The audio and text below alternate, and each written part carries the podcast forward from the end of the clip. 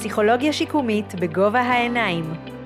הפודקאסט שעוסק בהיבטים הנפשיים של תהליכי שיקום ובעולם המרתק של הפסיכולוגיה השיקומית.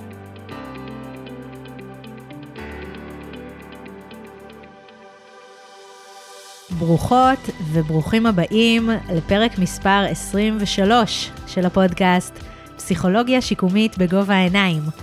אני נעמה קיביליס מאירי, פסיכולוגית שיקומית ונוירופסיכולוגית, והיום בפרק אני שמחה מאוד לארח את ישראל אלטמן, שידבר איתי על שיקום וטיפול בים. שלום ישראל. אהלן, אהלן. מה העניינים? סבבה. מעולה. את אה, ישראל הכרתי עוד בילדותי, כשהייתי חניכה צעירה בתנועת הנוער המדהימה צופי ים. וזהו, איזה כיף ש-20 ומשהו שנים אחרי זה אנחנו נפגשים, הפעם בהקשר מקצועי, אבל עדיין עם הים שמחבר בינינו. אני אציג אותך ישראל ואז נתחיל בשיחה שלנו. אגב, ביקשת ממני שאני אציג אותך כאלטמן ישראל ולא כישראל אלטמן. כלומר, לך, כולם מכירים אותך כאלטמן. גם הילדים. מעולה. אז uh, אלטמן ישראל, איש משפחה, ים, טיפול, טבע ושיקום, מזה 25 שנה. אני אוסיף שאתה עובד סוציאלי, ואתה אחד ממקימי עמותת אתגרים, דרך לוטן, מיזם ים טוב, אתה הבעלים של ים יבשה, וגם עוד פרט uh, מעניין, ביוגרפי עליך, שאתה היית מאמן נבחרת ישראל בשייט נכים עד אולימפיאדת טריו ב-2016. ישראל, אנחנו מתחילים כל פרק בפודקאסט במשחק, באיזה אייסברייקר כזה, קוראים לו משחק האסוציאציות. Uh, הוא נורא פשוט, אני אומרת לך מילה או משפט, ואתה זורק לי את האסוציאציה הראשונה שעולה לך לראש. מוכן לאתגר? התכוננתי. מעולה. פודקאסט. מרגש. ים. מרגש. טיפול בים. לא יודע, בית. שיקום בים. קורה. גלישת גלים. חדש לי, אה, מרווח לי, נעים לי, כיף לי. גלישת גלים טיפולית. אה, חזק מאוד. סופר עוצמתי. ואולימפיאדה. זיכרון רחוק. זה למרות ש-2016 לא היה כזה מזמן. קודם כל, 2016 לא הייתה מוצלחת באולימפיאדה עבורנו, והיו זיכרונות אחרים ברמות אה, הישג יותר גבוהות. אולימפיאדה איכשהו זה לא, לא הבסט. הבנתי. אוקיי, אז מעולה. אמרת שגלישת גלים זה חדש לך. כי מה? כי למדת לגלוש לא מזמן? כי היה גלשן שהייתי ילד בחיפה, והסתבכנו איתו, ואף פעם לא הצלחנו, בעיקר סחבנו אותו, וזה היה נורא כבד. שני ילדים שסחבנו אותו קילומטרים רבים לים וחזרה. ותכלס, אה, כן, בשנים האחרונות אמרתי, יאללה, בדיוק אחרי האולימפיאדה, לעשות משהו חדש שהוא כל הזמן שם, אבל אני לא נוגע בו, כי אני ממפרשיות. אז, אה, אז זהו, אז לי זה חדש, כאילו זה חמש שנים, שש תכלס. ואפשר ללמוד את זה מהר? אני חושב שזה אחד היתרונות של הדבר הזה. כאילו, זה מאוד מאוד מיידי, התוצאות די מהירות. אם יש לך גלשן נכון, מדריך נכון, תנאי ים נורמליים, אתה פעם ראשונה שמה. ואני לא איזה עילוי, אני באמת, אה, אני גם לא מחפש להיות, אבל זה נותן לי משהו חדש לגמרי, בקצב אחר, עם מלא מלא תשומת לב לגוף שלי, ומה קורה איתי, ומתנה גדולה. מעולה, אנחנו ניתן לזה, נקדיש לזה חלק די ניכר מהפרק, אבל באמת אני רוצה שנתחיל עם uh, קצת לספר על הים. שנינו מכירים אותו, אתה יודע, עוד כילדים. אה, הגענו. מהתנועת נוער שנקראת צופי ים, ששם באמת uh, בעיקר יש שט מפרשיות. אבל בוא נדבר רגע על הים, על ההשפעה שלו על הגוף ועל הנפש. תספר לי קצת. קודם כל זה, זה סוג של התמכרות. זאת אומרת, אני לא יכול להגיד מה המינון הנכון לצרוך את הדבר הזה, עבורי. אה, אני לא חושב שאני יכול לא לצרוך אותו, ואני לא חושב שאפשר לצרוך אותו מעט, ולא חושב שאי פעם לא צרכתי אותו, זאת אומרת, זה משהו שהוא באמת אה, לא לחם ומים, אבל, אבל סופר נחוץ עבורי. והוא מקום לפורקן, הוא מקום להתרעננות, הוא מקום להתחדשות, הוא... אז הרגשה מטורפת באמת כל פעם מחדש, משהו עצום. זה עבורי, אני מנסה להעביר את זה גם למי. שרוצה לשמוע את זה ממני או לחוות את זה יחד איתי. כל האפשרויות פתוחות, אין נתיבים סגורים, יש עומק, יש למעלה, יש מתחת, יש ימינה, שמאלה, הכל הכי פתוח בעולם.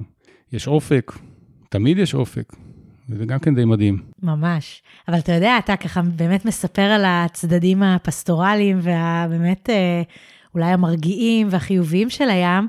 אני חושבת שיש משהו בים שדווקא מאוד מאיים על אנשים. הים כסכנה, האי-ודאות, הגלים שיכולים ככה בכל רגע לגרום לאיזה מערבולת. איך עושים את הסוויץ' הזה מהסתכלות על הים כסכנה להסתכלות עליו כמקור לאיזשהו רוגע? אז הים הוא באמת מקום מסוכן. כי יש את הסיכון האובייקטיבי ויש את הסובייקטיבי. אנחנו משחקים, אני חושב, בחלק של טיפול ושיקום לסיכון הסובייקטיבי. אני לא מתעסק עם הים במקום המסוכן באמת. זאת אומרת, בוודאות מישהו יכול להחליק בסירה או לקבל מכה מהגלשן, אבל התנאים יהיו תנאים באמת אה, אפשריים לדבר הזה, לפי כל קנה מידה וכל חוק אה, מוכר. והמשחק הזה בין מה שיכול לקרות לבין מה שנדמה לי, שם אנחנו נמצאים, זה חלק מהכיף.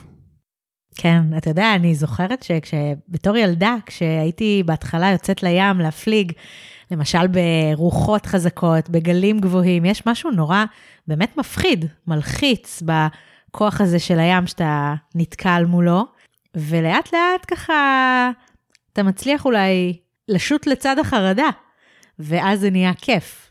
זאת אומרת, מתישהו זה נהיה או כיף, או מרגיש יותר בטוח, אתה מרגיש שאתה צובר יותר ביטחון. מכיר את התחושה הזאת? אז קודם כל, הדריכות הזאת היא, היא גם אחרי הרבה שנים בים, היא לא עוזבת, אני אשמח שהיא לא תעזוב אותי. זה טוב שהיא שם. היא מאוד מתגמלת, כי, כי אתה נהיה באמת יותר חד ואתה יכול לשים לב למה שאתה רוצה שיקרה. ומצד שני יש את ההתמסרות הזאת, זאת אומרת, אני יודע שאני לא יכול לעבור את הגלים אם, לא, אם הם לא רוצים שאני אעבור אותם. ואני לא יכול uh, להפליג מול הרוח אם לא בא לה שאני אפליג לשם.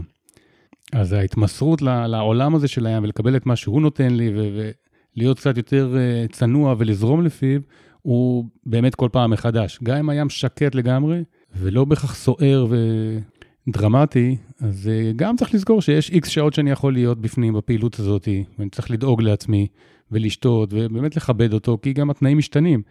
וגם העברים האלה בין משהו נורא נורא סוער למשהו כשפחות סוער, או ממש לא סוער, והפוך, זה נורא כיף לראות, להיות חלק מזה ולדעת שזה זה. ואת אמרת עם ההטייה של הסירה ולהתמסר לזה, זה המשחק בין לרצות לשחרר את הדריכות הזאת, או להגיד אני רוצה להשאיר אותה אצלי. אני מאוד מקווה שהיא תישאר אצלי תמיד, כי היא שם אותי ב... ב אני רוצה לקוות, עוד פעם, באופטימום, בפלואו, במקום הנכון. לגמרי. יש משהו כאילו בדריכות הזאת שגם משאיר אותך בכאן ובעכשיו, אתה לא יכול לנדוד, אתה חייב להיות בפוקוס, במה שקורה, בלהגיב בכל רגע. אני חושבת שיש משהו בים שבאמת מצריך ממך להיות כל הזמן על המשמר, אי אפשר לנדוד. בטח נגיד בשייט הישגי, וגם עוד פעם בתרגילים, או אני חושב ש, שמלמדים אנשים, אז אתה רואה את התוצאות די מיידיות. הדריכות הזאת וה... הקשב הזה לים, לגל, איך שהוא מגיע, איך שהוא תופס את החרטום, מה שהוא עושה לסירה, הטיה שבה אתה נמצא, ורגע, אם אני אשחרר אז תהיה פחות הטיה, או אני אמתח יהיה יותר הטיה, ואם אני אמתח את החבל הזה יהיה ככה. אז המיידיות של התגובה, אוקיי, לא מיידיות, כי זה בכל זאת, סירות זה קצת איטי, אבל היא, היא של כמה שניות ואתה שמה. ואם אתה לא, אתה נחבט אל הגלים. בגלישת גלים זה הרבה יותר מהר. המבט שלי, אם הוא לא במקום הנכון, אני במים. אם חתרתי קצת פחות מדי, הגל חלף. זאת אומרת, אני באמת צריך להיות מסונכרן לדבר הזה, וזה צ'ופר מטורף, כי אין שום דבר אחר שקורה בעולם חוץ מהגל הזה. ואז המיקוד הזה הוא באמת, שוב, מתנה, וגם ככה חולף הזמן בטירוף, זאת אומרת, אין לך תחושת זמן כל כך. זאת אומרת, אוקיי, אני על הגל, או אני בסירה, ולמה שאני אלך מפה? כמעט כל הקבוצות של החבר'ה של הקהל יש לי גישה תומכת, גישה שיקומית, אנחנו מדברים על גל אחרון, גל יציאה. יאללה, חבר'ה, צריך לצאת החוצה, נגמר הסשן. מה זה גל יציאה? איך אפשר לצאת? כולם פה די מבסוטים באותו רגע. אני חושבת שנתת לנו ממש ספתח וחיבור לנושא של טיפול בים, כי אנחנו באמת אה, התייחסנו לתחושות של מה אנשים חווים כשהם בים, ועכשיו אנחנו יותר לוקחים את זה באמת להיבט הטיפולי. איך עושים טיפול בים? איך משתמשים בים ככלי טיפולי? מה זה אומר? קודם כל, בשביל לעשות טיפול בים, שני הצדדים צריכים להסכים שזה טיפול. אין הרבה אנשים שעושים טיפול בים, יש אנשים שעושים אה, חינוך בים, פעילות תומכת, מעצימה, אה, עמותה כזו או אחרת שעושה פעילות אה, חינוכית אה, מעולה. טיפול צריך איזשהו כמו חוזה, ואנשי מקצוע שעושים את זה. טיפול יכול להיות של גוף, זאת אומרת מהמקום הפיזיותרפי, ויכול להיות באמת מהמקום הנפשי או שיקומי. כן חשוב לדעת, כי, כי אחרת זה נשמע, נצא לים ויהיה סבבה. לא, צריך איזשהו הסכם בין הצדדים ורצון. עבור מי שלא יודע להפליג, או לא יודע לגלוש, זה בעצם יש לך הזדמנות להיכנס למקום חדש לגמרי, להיות חניך, תלמיד, להתמסר שוב לדבר הענק הזה, אה, לקבל את החוקים החדשים, ובאמת בסופה של פגישה אפילו, אה, להתחיל לבנות איזושהי זהות מחודשת או מרועננת. אז אם אני מדברת על חבר'ה נגיד של שיקום פיזיולוגי, או שעוד פעם, נגיד יש להם קשר עם הגוף, רגע צריך לבדוק מה, מה קורה לי בגוף, פתאום אני רואה שאני יכול, פתאום אני רואה שאני מצליח, וגם אני לא מצליח להחזיק את החבל, או לשבת זקוף בסירה, אז אחרי כמה רגעים מצאנו איזה טריק שאני כן יכול לעשות אותו. ונמתח את החבל מכיוון מלמעלה ולא מלמטה, ופתאום אני מסוגל. והנדנודים של הסירה, שבהתחלה רעדתי ופחדתי, פתאום אני מחזיק את עצמי. בחלק של הנפש, שהוא משותף לכולם, לא, לכולנו, הזהות הזאת, בנייה של איזשהו רכיב נוסף, שאני חושב שהיא אוניברסלית, זאת אומרת, כי יש שייטים וגולשים ושייטות וגולשות בכל העולם, מכל הצבעים וכל המינים, ופתאום אני צובר לעצמי עוד איזושהי זהות, והיא זהות אטרקטיבית, היא זהות של מסוגלות, של שליטה, של הבנה של המתאר הזה, היא זהות של הנאה. בטיפול בחדר, מרכיב ההנאה הוא מוגבל, נכון? אתה יושב עם בן אדם ונוגעים בדברים כואבים די דוך. פה אני יכול לנגוע בדברים, אבל אני בא דרך איזשהו מנגנון אה, חושי, ביולוגי, ש, שיש בו רכיב גדול של הנאה, של חיבור, של אתגר. אה, אני חושב שזה אחת האיכויות היותר אה, גבוהות, כי בן אדם נהנה לעשות את זה, הוא מרגיש מסוגלות, ואז אפשר לדבר על הכל, ואז אפשר להגיע להכל. איך באמת מתנהל טיפול כזה?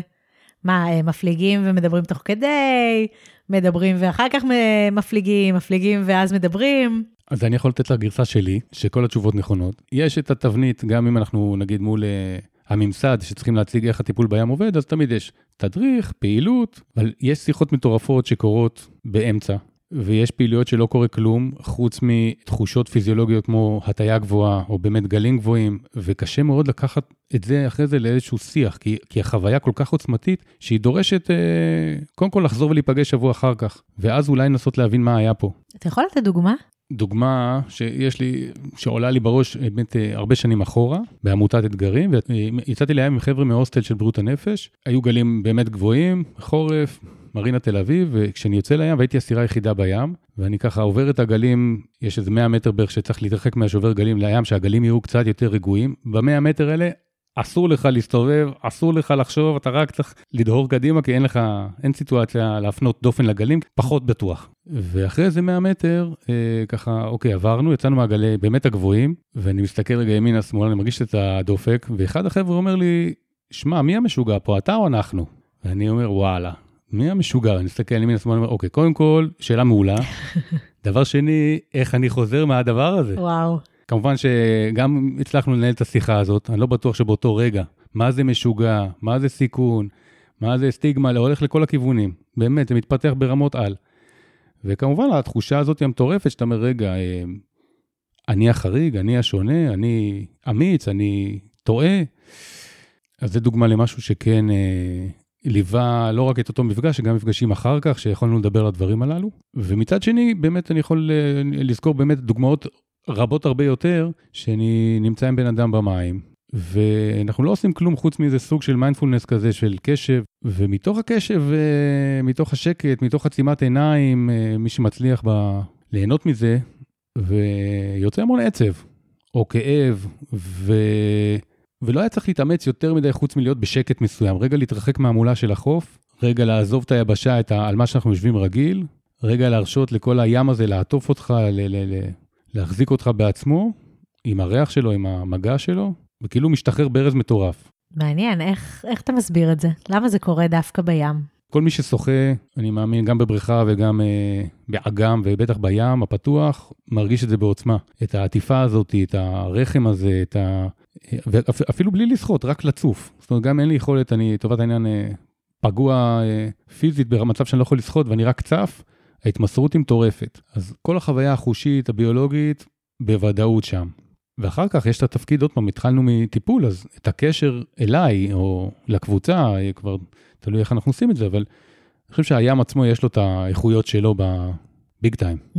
האמת שבאמת רציתי לשאול אותך כמטפל, איך זה בכלל לצאת מחוץ לקליניקה, מחוץ לארבעת הקירות האלה והסטינג המסורתי? אז בשביל להיכנס לחדר, עבורי זה האתגר.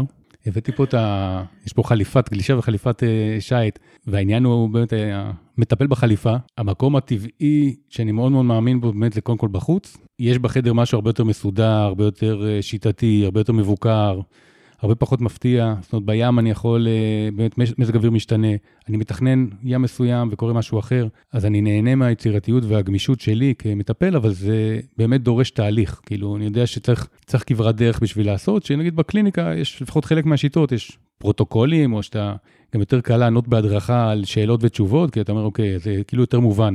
פה קשה לי למצוא לפעמים למה משהו אחד השפיע על משהו אחר, אבל זה המקום הטבעי והנכון לי. קודם סיפרת על הסיטואציה שיצאת ב, ב, עם הקבוצה, עם הגלים כן. המטורפים. גם כמטפל באמת, אתה מתמודד בים, ניצב בים, לפני אתגרים וסיטואציות שלאו דווקא צפית אותם כשיצאתם לים. אתה בטח צריך גם uh, לעבד ולעכל דברים בעצמך. הפוקוס הזה על הכאן, ובא, על הכאן ועכשיו, אולי הוא לפעמים לא מאפשר לתת למטופלים אה, בדיוק את מה שהם צריכים, או, או לתת באותו רגע מענה מדויק, כי אתה גם מתרכז במה שקורה לך. כן, את צודקת, אני בטוח שפספסתי מלא פעמים. כמו כולנו, אגב, גם בחדר, כן? כן, כן, אין בעיה, אבל, אבל אין ספק שלפעמים הדופק שלי, אני, עוד פעם, היום אני כבר מנסה לשלוט בו, אבל בטח בעבר אתה בתוך חוויה, ואני גם בתפקיד, זאת אומרת, יש לי יתרון אחד שהוא יתרון של ידע ענק. זאת אומרת, גם למטפל בחדר יש יתרון של ידע, אבל לי יש את הידע, את היכולת, בטח אם אני עם חבר'ה עם אה, נכויות פיזיות, אבל שאלה מתי אני עובר ל... ליד הנהג, למושב האחורי, זאת אומרת, מתי אני משחרר, וזה חוזר לנושא הסיכון, כמה אני נותן, וכמה אני מגלה מעצמי.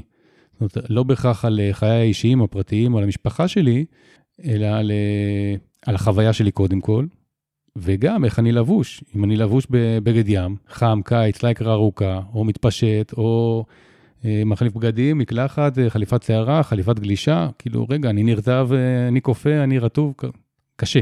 בטח בהפלגות ארוכות, שאתה נמצא עם בן אדם 24 שעות, שבוע, שבועיים, שלושה, ואתה עוד פעם בתפקיד, נקרא לזה טיפולי, אתה הכי שקוף בעולם. וזה מקום שעוד פעם, מבחינתי הוא סוג של מתנה, כי, כי הוא הכי אמיתי, הוא הכי אותנטי.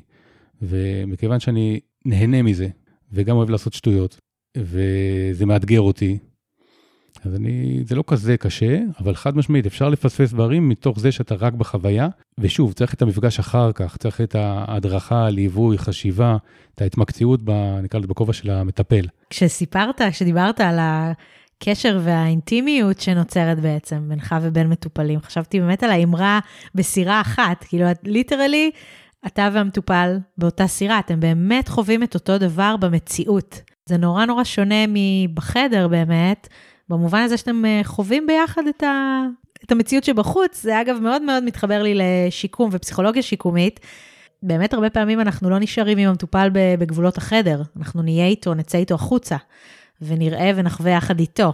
אצלכם אני חושבת זה ככה עוד רמה מעבר, כי אתם ממש עוברים את אותן חוויות, גם אם כל אחד מתייחס אליהן אחרת. וגם אני עושה שטויות, זאת אומרת, עושה טעויות. אבל נראה לי שכולנו גם uh, מטפלים uh, בחוץ. אני אגיד לך, אם נגיד, אה, שוב, בהפלגה ביוון של שבוע עם חבר'ה בריאות נפש, שנת 2001, לא זוכר, הצלחתי לנווט את היאכטה מאוד מאוד בקלות ודי במהירות לעלות הסלעים. במקום שידעתי שאני מכיר אותו, ואני בכל זאת החלטתי שאני צריך לעבור שם. ואנחנו עומדים על הסלעים, ואתה אומר, אוקיי, אני ברור שאני... אנשים תלויים בי, וגם עדיף שלא יהיה חור בדבר הזה, ושנחזיר בלי נזקים יותר מדי, כי זה כסף. אבל וואלה, קורה פה עכשיו משהו שהם, איך אני מגיב, איך אני מרגיש, איך אני חרד, איך אני מדבר, ועכשיו מסתכלים עליי, ואתה הכי שקוף בעולם. אני כסקיפר, כמטפל נגיד, או אה, מכיוון שסקיפר הוא גם מפקד הסירה. הרבה פעמים, נגיד עם חבר'ה שבוגרי אה, צבא, טובת העניין, או פעילות מבצעית, אה, אז אני המפקד, ומולי יש המון המון, אה, אני צריך לזכור תמיד שיש עוד איזה רובד של, אה, אני לא סקיפר, אני לא מטפל, אני דמות של מפקד. כאילו ההתנגדויות, כל מה שקורה בסירה תכלס, כאילו בכובע הזה אני צריך לשמוע אותו.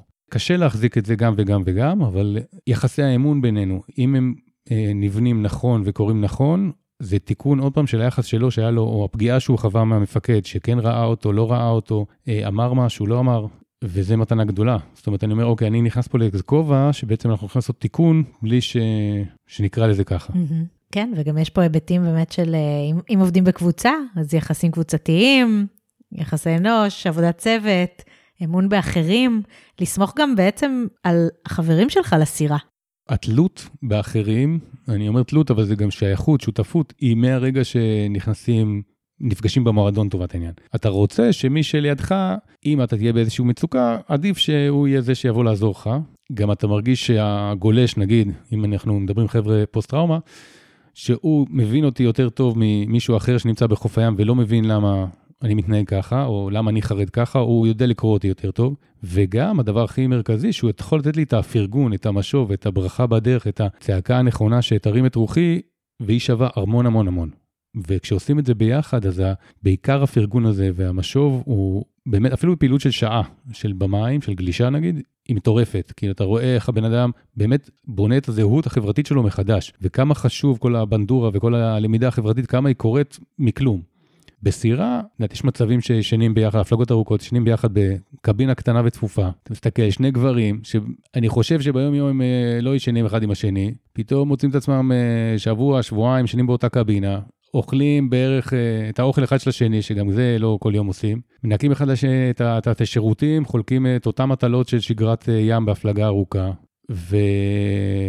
ומעבר לזה, בשעות, בטח לילה, כוכבים, ים רגוע, זה שעות וידוי כזה של פתאום כל הסיפורים הכי אישיים, הכי קטנים, יוצאים החוצה באחד על אחד או בקבוצה קטנה, ואתה אומר, וואו. וכמובן, יש המון העלבויות. למה הוא בתפקיד הזה, למה אני בתפקיד הזה, הוא ההגאי, אני המותח. זה דינמיקה קבוצתית, בלי, בלי לעשות uh, סשנים uh, של דיבורים. זה מעבדה. ממש. והיא כיפית. למי? לכולם. אוי ואבוי. ישראל, אנחנו ככה באמת uh, מפליגים לנו לעבר הנושא הבא, שהוא שיקום בים. ואני אשמח שתספר לנו קודם כל בגדול, מה זה שיקום בים, איך כל התחום הזה התחיל, וגם למי זה מתאים. קודם כל, כל דבר בים מתאים לכולם, זה נכון, הגדרת מוצא. אם ניקח את זה ששיקום זה איזשהו תהליך, והוא לא משהו סטטי, אז אני חושב שכל מי שרוצה להיות באיזשהו תהליך ולמצוא את הכוחות, יכולות, את עצמו, חלקים בעצמו מחדש, או לרענן אותם, לעבוד בתנועה זה דבר טוב, לעבוד בטבע זה מעולה. אה, הים, בדרך כלל, רוב האנשים לא מכירים ים. ואז באמת השפה היא, היא ממש התחלה, ואתה בא ואתה אומר לעצמך, זה מתאים לאנשים שאומרים, אני מתחיל מאפס, איזושהי מיומנות, או מקרוב לאפס, ועכשיו אני מרשה לעצמי לטעות, מרשה לעצמי ללמוד, מרשה לעצמי להיות נבוך, מרשה לעצמי להיות מגוחך, וגם מרשה לעצמי להגיד בדיוק מה אני, איפה, איפה הגבולות שלי. זאת אומרת, הפלגתי עם חבר, בחור שפרפלג, הרבה שנים אחורה, והפלגנו בסירה קטנה, שהיא לא מותאמת לשום דבר. פעם ראשונה שהוא הפליג אחרי ה... בעצם אה, תאונה שהייתה לו. רק נגיד שפרפלג זה מישהו שהוא בעצם משותק בחצי גוף, אז במקרה הזה זה היה מה, חצי גוף תחתון? כן.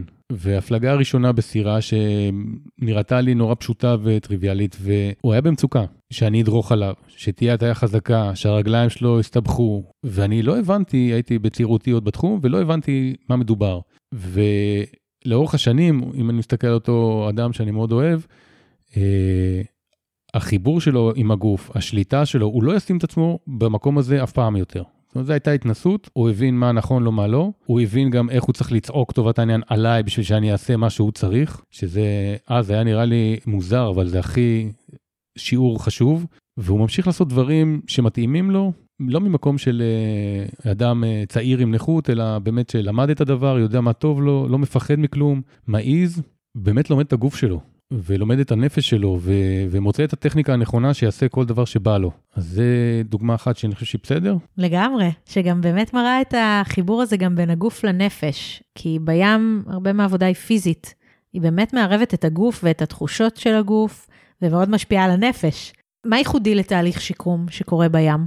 קודם כל, אני חושב שהוא, שהוא צריך להיות חלק ממערכת. זאת אומרת, הוא לא עומד בזכות עצמו. אני אומר את זה כאילו כהתנצלות אולי לפני שאני אומר מה ייחודי, אבל זה כמו שיקום עצמו, צריך איזושהי סבלנות, הבנה שהדבר הזה הוא חלקו בשליטתך וחלקו הוא לא בשליטתך, ועכשיו אתה נדרש למלא מלא התאמות והסתגלות, ולראות איפה אתה נמצא היום מול התנאים של הים, ומה היום אני יכול לעשות ברגע הספציפי הזה, ומה פעם באה אני אוכל לעשות שזה יהיה קצת יותר. וזה ongoing. ובאמת יש פה, לפעמים אתה חושב שאתה יכול ואתה לא יכול, וגם את התסכולים צריך איכשהו אה, להכיל, והים מכיל הכל, כאילו כל טמפרטורה, כל אה, מכאוב הוא מכיל. אני חושב שהשותפות הזאת היא ל, ל, באמת למרחב הזה של, ה, של התהליך, של אורך רוח הזה, הוא, הוא הדבר הייחודי. הייתי שמח שיום אחד הרעיון הזה יקרה, זאת אומרת שבאמת גם החיבור, זה לא רק לפעילות פנאי או כזה להגיד אוקיי זה, זה בונוס לשיקום שלך, לא, זה חלק מהזהות שלך של להיות חלק מהחברה. של להיות חלק ממועדון, חלק מהמרינה, להיות חלק מהקהילה הזאת של uh, גולשים או של שייטים, ו- ומהשלב הראשון תחשוב שאתה יכול להגיע לשם. זאת אומרת, זה, זה הכוונה שלך, אתה אמור להשתלב באיזשהו מקום. אני חושב שזה הים גם כן יודע לתת. אה, אני חושבת שמה שדיברת עליו, התאמת הציפיות, הגמישות שדרושה, אלה עקרונות שמאוד מאוד משותפים אה, בכלל לכל, ה... לכל תחומי השיקום. אני חושבת שאדם שיוצא למציאות, במהלך תהליך שיקומי כזה או אחר, צריך להתאים את היכולות הנוכחיות שלו למגבלות, ואולי בים זה פשוט משתנה יותר מהר או פחות צפוי. זה נשמע לי, אתה יודע, די, די מקביל לתהליכים שקורים בשיקום באופן כללי. תראי, זה גם קורה בדרך כלל עם עוד אנשים שבסך הכל חלקם נגיד מתנדבים, או אם אני לוקח ככה בקבוצות, אתה חווה את זה עם עוד חבר'ה שהם כמוך, ועם עוד חבר'ה שהם באמת אה, אכפת להם, וזה בתנאים אה, מאוד נעימים ואטרקטיביים של מועדונים, ו- וסטיגמה גם כן די נושרת, שאי אפשר לראות מה, מהחוף את ה... מי משתמש בכיסא גלגלים ומי יש לו קביים, או מי פוסט טראומה או מי אה, בריאות הנפש אחר, ומרגישים את זה. אני חושב שחבר'ה שלנו, נגיד אם אני אקח חבר'ה פוסט-טראומטיים, ברגע שנכנסים לאותו line up, לקבוצת גולשים שנ... הרגילים שנמצאים בגלים, ופתאום מתגנבים לאט לאט, מרגישים ביטחון להשתלב בקבוצה רגילה, ולא גולשים בצד, ולא גולשים על הגלים הקטנים, אלא ממש אה, בפיק כמו כולם, ואולי יותר, אני חושב שזה שיקום. זה בטח שילוב, כן, אבל זה גם שיקום uh, מטורף. שאני כן סבור שהוא יכול להיות גם זרז וגם איזשהו עמוד שדרה חדש ככה לאורך זמן. לכל החיים, תכלס. מדהים. ועכשיו אנחנו מגיעים לנושא ש, שבאמת משיק וככה קצת הזכרת, אה, של גלישת גלים טיפולית. הזכרת ככה קודם אה, קבוצה של אה, אנשים עם פוסט-טראומה. תוכל קצת לספר בגדול איך התחום הזה התפתח ולמה דווקא גלישת גלים? התחום בעולם של עבודה עם חבר'ה פוסט-טראומטיים וים הוא בין בערך 30 שנה. פה בארץ אנחנו סדר גודל של 25 שנה עושים אותו, פרויקט שקוראים לו ספינה שטה ואתגרים, והגלישת גלים לקחנו עוד צעד אחד קדימה, ולשמחתי, אה, יחד עם אה, אישה מקסימה ששמה שרון, הצלחנו לפתוח כמה קבוצות של חבר'ה פוסט-טראומטיים צעירים, מוכרים או לא מוכרים, קראנו להם עיבוד חוויות שירות, וים. ובהתחלה אף אחד לא הבין, מהם לפחות, מה הרעיון, מה קשור, ועוד קראנו לזה קבוצת מנהיגות בגלישת גלים לעיבוד חוויות גל... אה, שירות צבאי, כי אף אחד לא מבין מה רוצים ממנו. אבל לנו היה די ברור שיש בזה באמת את השליטה, ויש בזה את התנועה, ויש בזה את ה... אה, על הגלים, ויש בזה את הקבוצה, ויש בזה את ההתמודדות מול ים אה, בחורף ובקיץ ובשמונה בבוקר, והקבוצות האלה קמו וקורות ודי נפלאות. אני חושב שהגלישת גלים יש משהו שהוא מיידי, באמת די, די מהר להתחלה, אתה כבר יכול לעמוד, יכולה לעמוד על הגלשן, שוב עם ציוד מתאים וים נכון, הדרכה נכונה. חוויה חושית היא מאוד מאוד חזקה, מהאקט של החתירה, שפתאום בן אדם צריך לחתור איזה שמונה, עשר חתירות יחסית מהירות ודופק עולה, ולעבור ממצב של שכיבה לעמידה באיזושהי קפיצה מוזרה כזאת, משהו קורה במוח. אה, יש מחקרים ככה רגילים על חבר'ה גולשים אה, ולא רק על אה, חבר'ה פוסט-טראומטיים. תחושת flow וחיבור והזמן שפתאום, דיברנו על זה קודם, שפתאום הזמן נעצר ואיזשהו קיפאון כזה בסלואו מושן שהכל נראה. ואני חושב שהחיבור הגופני הוא מטורף ברמת ההשפעה על חבר'ה נגיד על כולם, אבל בטח על חבר'ה פוסט-טראומה. יש אנשים שזה כבד עליהם? בטח. לפחות בהתחלה או, או בהמשך? אני, אני מקווה שגם החבר'ה היותר ותיקים אה, יודעים שיש גבול, והיא לא תמיד, וצריך להישמר ולהיזהר. בטח עם חבר'ה שבזיכרון שלהם יושבת איזושהי טראומה וחרדה זה משהו שקרוב אליהם, אז בוודאי שצריך לעשות את זה הדרגתי ושקול. אני חייב להגיד שבנושא התקפי חרדה בכלל בים, 25 שנה פעמיים, פעמיים בלבד.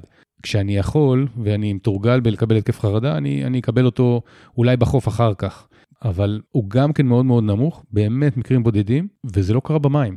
מעניין, איך, איך מסבירים את זה? אני חושב שוב שהמיקוד, הקשב, התנועה, החושים, הריח של המלח, המגע של החול, טמפרטורה של המים, כל העטיפה הזאת ש, שבטח יש אותה בגלישת גלים, היא, היא כזאת שמאפשרת את זה. אם אני אקח למשל דוגמה של הפלגה, אני יכול לספר על חבר'ה שבספינה שטה, שהיו מגיעים והיו הולכים לישון. זאת אומרת, משהו בערסול הזה של היאכטה שמפליגה עבור בן אדם פוסט-טראומטי שלא ישן כמה לילות, פתאום אני מוצא את עצמי, אפרופו כמטפל, או אנחנו מוצאים את עצמנו בקבוצה, שאתה אומר, וואלה, רגע, יש פה איזה בחורצ'יק שבאופן קבוע הולך לישון, אבל מה קורה? אבל זו המתנה הכי גדולה. אנחנו גם יודעים שאם מפליגים, נגיד לחו"ל, אז עד קפריסין אין בעיה, כולם כבר סוחבים עוד לילה, הם רגילים, הכל בסדר. ולאט לאט אתה רואה את השעון הביולוגי מתאזן, ודפוסים או התנהגויות של אה, לחץ, מתח, לאט לאט נשאלים מהבן אדם. וזה סופר מרשים. הייתי מצפה שכשאתה מפליג נגיד מול אה, ביירות, איזה 100 מייל בים, כן, אבל אה, עדיין אה, בדמיון שלך יש שם את ביירות, אתה יודע שזה שם, בן אדם יהיה חרד, ולא. כאילו משהו עם הכניסה לעומק, ככה מתנקה, ככה יורד, כך... זה ממש סוג של ניתוק, זה להיות במין בועה ממש. מאוד מגנה. ממש. באמת, שיש את החוויה, מי שבאמת הפליג לחו"ל, או הפליג ב- בלב הים, הוא יודע שבאמת, יש את הרגע הזה שאתה מסתכל מסביב וכל מה שאתה רואה זה רק ים, רק האופק. ואתה יודע שמה שהתכוננת זה מה שהיא, כאילו, המוכנות שלך, הכנת את ה... לא קפצת למים ישר להפלגה בינלאומית, אבל בנית את עצמך, את היכולות שלך, אתה בוא, סומך על הצוות שלך, זאת אומרת, עשית המון המון תהליכים מקדימים של אמון ו- ומוכנות ותרגול בראש, כאילו כמו כזה דיבור עצמי כזה ו- וויזואליזציה, זאת אומרת, וואלה, יש סיכוי שאני שמה. שוב, לא כולם ברמת מודעות כזאת, אבל זו השאיפה. תגיד, יש לך דוגמה אולי לאיזשהו תהליך שעשית עם אה, מטופל שהגיע לגלישת גלים טיפולית אצלך? או עם קבוצה? קודם כל עם ילדים. זאת אומרת שאני ראיתי לאורך הקריירה, באמת אני, יצא לי לראות חבר'ה שהם uh, מגיל 8 עד גיל 21. ובאמת הזהות הזאת של אהבה לים, או חיבור לדבר הזה, הוא מטורף. זאת אומרת, אתה אומר, יש פה משאב לאותו, לאותו נער, ואני גם חושב על איזושהי אה, נערה עם, אה, שנעזרה בהליכון, הגיעה באמת מעל 40 קילומטר מתל אביב בזמנו, משפחה דתייה, שכביכול אתה אומר, אוקיי, באמת צריך פה מאמץ מטורף, והים כל הזמן שם, זאת אומרת, זה אחת לשבוע ניקוי בים. ויצירת קשר עם, עוד פעם, חברים אחרים במועדון, או ב... או בכלל יצירת קשרים עם אחרים, ולהתקבל במועדון או במרינה להסתובב כשווה בין שווים. וזה מטורף, וזו חוויה מטורפת. אני יכול לספר על בחור אחר, פגוע ראש קשה, אה, בן אדם עילוי, ועל אף קשיי התקשורת, ועל אף הנכות המורכבת, ועל אף אה, באמת אה, פגיעה קשה, נכנס לסירת מנוע, וכאילו, את אומרת, לא יכול להיות ש, שמשהו שם, הכל כאילו מתחבר, הכל מסתנכרן. היכולת שליטה, אתה אומר, אוקיי, הרי רישיון נהיגה לא יהיה, אבל פה זה תחושת חופש מטורפת. אז התקווה הזאת היא מלמדת לא רק אה, עבורו, אלא גם עבור רבים אחרים. מדהים, כן. לא, גם ממש אה, תהליכים מדהימים שיצא לך ללוות, וממושכים כן. גם. כן, שוב, תמיד יש את העניין התקציבי, שאני די מיוסר מזה שאני לא מצליח עם אותו בחור, אה, אותו גבר להמשיך. כי, כי אני משוכנע שאם היה את האפשרות תקציבית, אני ברור לי שהייתי יכול, אנחנו היינו יכולים לסייע בשיקום שלו, עוד, וכאלה רבים אחרים. ישראל, אם אנשים אה, ככה שמקשיבים לנו עכשיו ורוצים להתנסות בחוויה הזאת של אה, גלישת גלים טיפולית או שיקום בים, לאן הם פונים? מה הם מחפשים בגוגל? למי הם מתקשרים? קודם כל מוזמנים לדבר, אה, לנסות לחפש אותי, אלטמן, ים יבשה. היום יש בארץ לא מעט מועדונים שמאפשרים את הדברים הללו, בטח בזכות הרפורמה של נפש אחת, משרד הביטחון, אז יש אפשרות בטח לגלישת גלים ואפשר להיעזר. אה, גם במיזם של ים טוב, קל למצוא ים טוב בגוגל. עמותת גרים גם היא פרוסה בארץ ויכולה לתת מענה. עמותת האטלף עם פרויקט חבל זוג, שגם הוא אה, פרויקט משובח ומופלא. חבר'ה צעירים, הגל שלי, זיו נעורים, וגם מועדונים אה, חברתיים, בקריות בחיפה יש, באשדוד יש, זאת אומרת, באמת יש מענים, ואם לא מוצאים את הפתרון בחוף שלך, אז תרימו טלפון. מעולה, יופי, זה היה ממש מידע חשוב. אז אנחנו באמת מסיימים את הפרק הנפלא הזה ש... היה לי גם מרתק, גם מחדש וגם קצת אה, מזכיר לי חוויות עבר. ישראל, אם ככה אתה צריך לצייד את המאזינים והמאזינות שלנו באיזשהו מסר שקשור לעבודה שלך, לפעילות בים, מה, מה היית מוסר? אני מאמין שכל אחד יכול למצוא את הים שלו. כמו שעבורי הים זה ים, ומה שאני יודע להציע, אבל יש ים בשטח, באופניים, במדבר, במטבח, בנגינה, באומנות, בציור, מקומות שמאפשרים לך להשתלב, להיות... אה, ללמוד, להתנסות, לחוות. נראה לי שבטח במדינה ים תיכונית שלנו, עם קו חוף יחסית ארוך, שווה לנסות את החוויה הימית, ואנחנו לפני קיץ, אז אה, יאללה, יש היידה. הזדמנות, כן. אותי שכנעת, הייתי כבר משוכנעת. אז ישראל, תודה רבה. תודה לך. ותודה רבה למאזינות ולמאזינים שלנו.